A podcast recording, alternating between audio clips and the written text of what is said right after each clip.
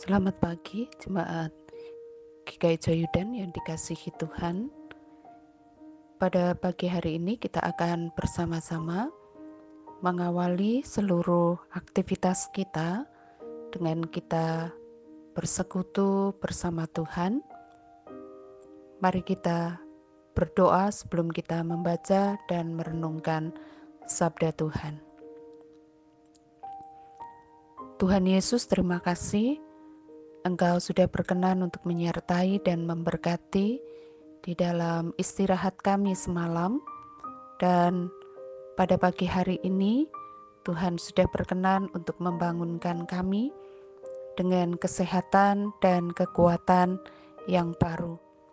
Terima kasih untuk segala yang telah Tuhan sediakan bagi kami sebagai sarana untuk kami hidup Terima kasih untuk setiap kepercayaan Tuhan, untuk kami boleh mengelola yang menjadi kepunyaan Tuhan, dan kami kembalikan bagi kemuliaan Tuhan. Ya Allah, kiranya Engkau berkenan untuk berbicara kepada kami melalui sapaan kebenaran firman-Mu, dan kiranya firman ini akan menjadi landasan di dalam setiap kehidupan yang akan kami jalani pada hari ini. Engkau berkenan untuk memberikan kepada kami hikmat dan pengertian, sehingga firman ini boleh hidup di dalam diri kami, dan kami hidup di dalam kebenaran firman Tuhan. Ya Allah, ini kami dan ini hati kami, penuhilah hati kami dan hidup kami dengan segala kebenaran firman-Mu. Di dalam nama Tuhan Yesus Kristus, kami berdoa dan mengucap syukur. Amin. Firman Tuhan pada hari ini saya ambilkan dari 1 Samuel pasal 15 ayat yang ke-24 sampai dengan ayatnya yang ke-26. Demikian bunyi firman Tuhan. Berkatalah Saul kepada Samuel, "Aku telah berdosa, sebab telah kulangkahi titah Tuhan dan perkataanmu. Tetapi aku takut kepada rakyat, karena itu aku mengabulkan permintaan mereka. Maka sekarang, ampunilah kiranya dosaku. Kembalilah bersama-sama dengan aku." Maka aku akan sujud menyembah kepada Tuhan. Tetapi jawab Samuel kepada Saul, Aku tidak akan kembali bersama-sama dengan engkau, sebab engkau telah menolak firman Tuhan. Sebab itu, Tuhan telah menolak engkau sebagai raja atas Israel. Demikian bacaan firman Tuhan pada pagi hari ini dan kita akan bersama-sama merenungkan firman Tuhan melalui sebuah tema berani berkata tidak.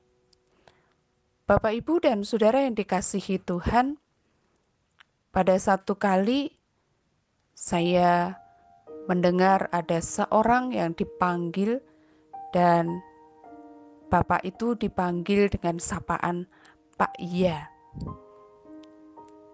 Saya berpikir, siapa sebenarnya nama Bapak ini? Siapa nama panjang beliau ini? Sehingga beliau dipanggil dengan panggilan Pak Iya. Beberapa waktu saya mencoba untuk mencari tahu.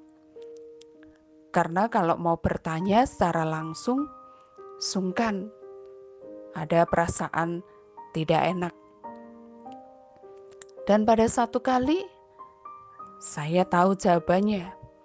Mengapa beliau dipanggil dengan panggilan Pak Iya?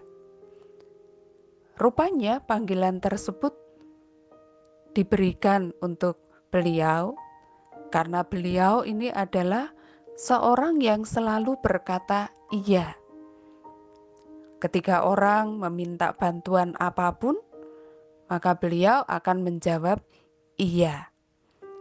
ketika orang mengajak ke mana pun, selalu dijawab dengan iya.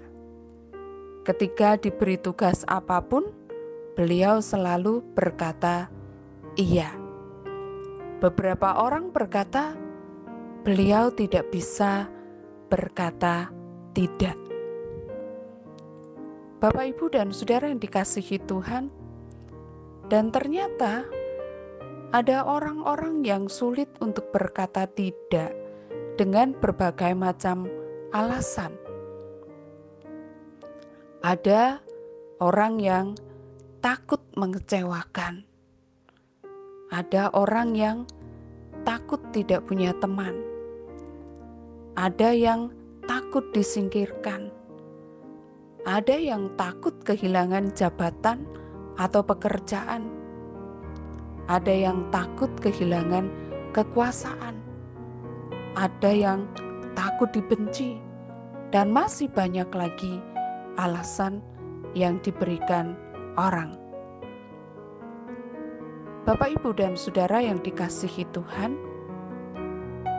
Raja Saul, ketika bertemu Samuel, mengatakan bahwa dia sudah melaksanakan firman Tuhan. Kita bisa membacanya di dalam 1 Samuel pasal 15 ayatnya yang ke-13. Dia sudah berperang melawan bangsa Amalek dan sudah memusnahkan harta kekayaan bangsa Amalek. Dan bukankah begitu firman Tuhan yang diperintahkan untuk Saul? Tetapi Bapak Ibu dan Saudara, Samuel menegur Saul. Memang benar Saul pergi berperang melawan bangsa Amalek. Dan memang benar bahwa rakyat dari Amalek itu dimusnahkan. Dan benar bahwa harta kekayaannya juga dimusnahkan. Tetapi rupanya Samuel tahu bahwa tidak semua dimusnahkan. Masih ada rajanya, yaitu Raja Agak, Raja bangsa Amalek. Masih ada kambing, domba, dan juga lembu yang tidak dimusnahkan. Tetapi atas semuanya itu, Saul beralasan binatang-binatang itu akan dipersembahkan kepada Tuhan.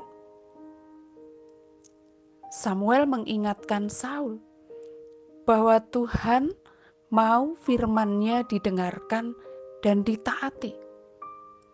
Dan itu lebih baik dari memberikan persembahan dari binatang-binatang yang harusnya dimusnahkan itu. Dan apa jawab Saul? Di dalam bacaan kita tadi, pada ayatnya yang ke-24, Saul berkata, Aku telah berdosa, sebab telah kulangkahi titah Tuhan dan perkataanmu. Tetapi aku takut kepada rakyat, karena itu aku mengabulkan permintaan mereka.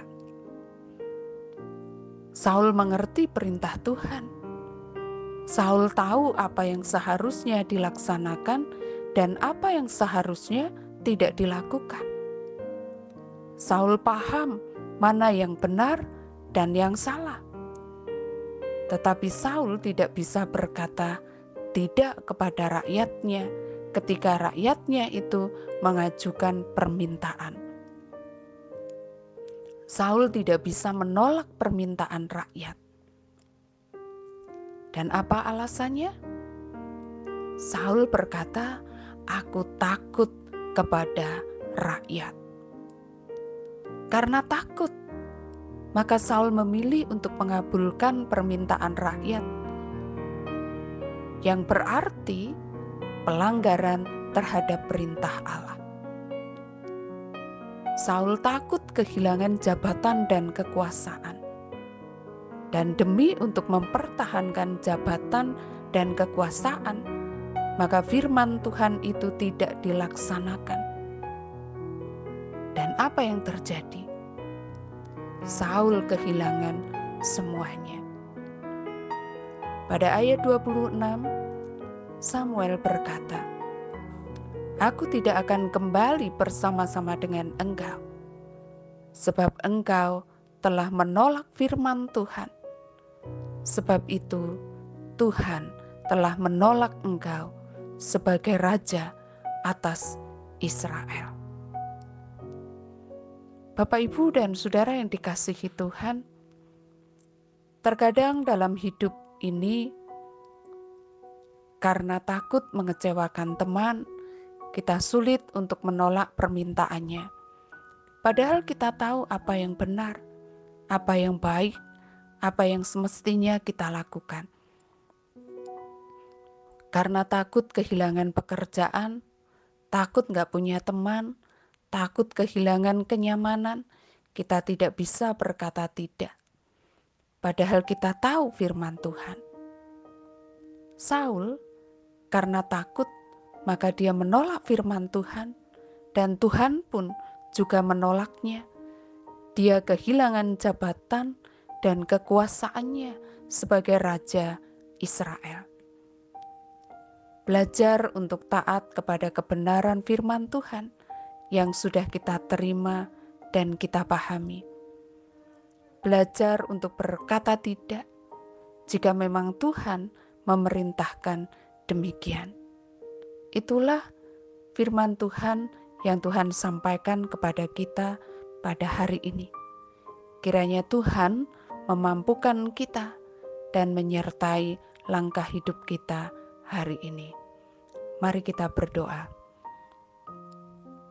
Tuhan Yesus, terima kasih untuk firman yang Kau sampaikan kepada kami hari ini. Mampukanlah kami untuk kami menjadikan firman ini sebagai pedoman. Berikan kepada kami hati yang taat dan setia untuk hidup di dalamnya.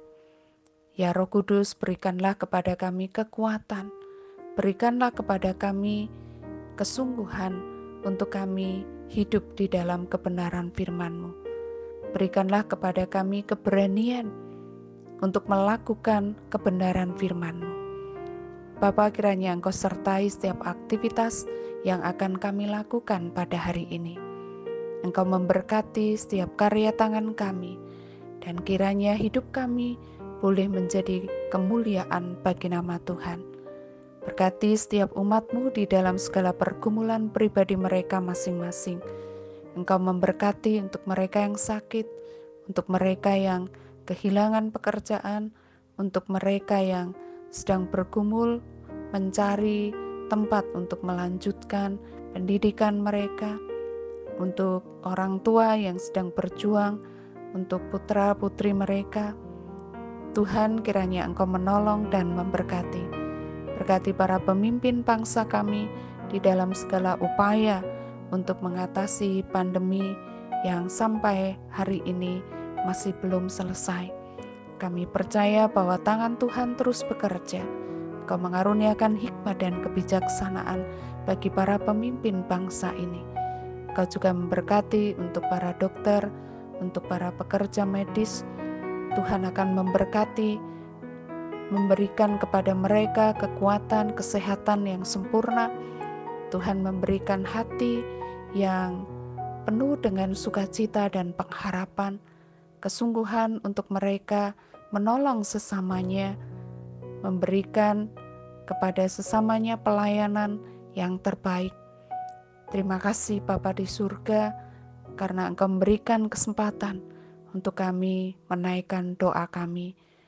Demikian Tuhan doa kami yang kami naikkan di dalam nama Tuhan Yesus Kristus, Juru Selamat kami yang hidup.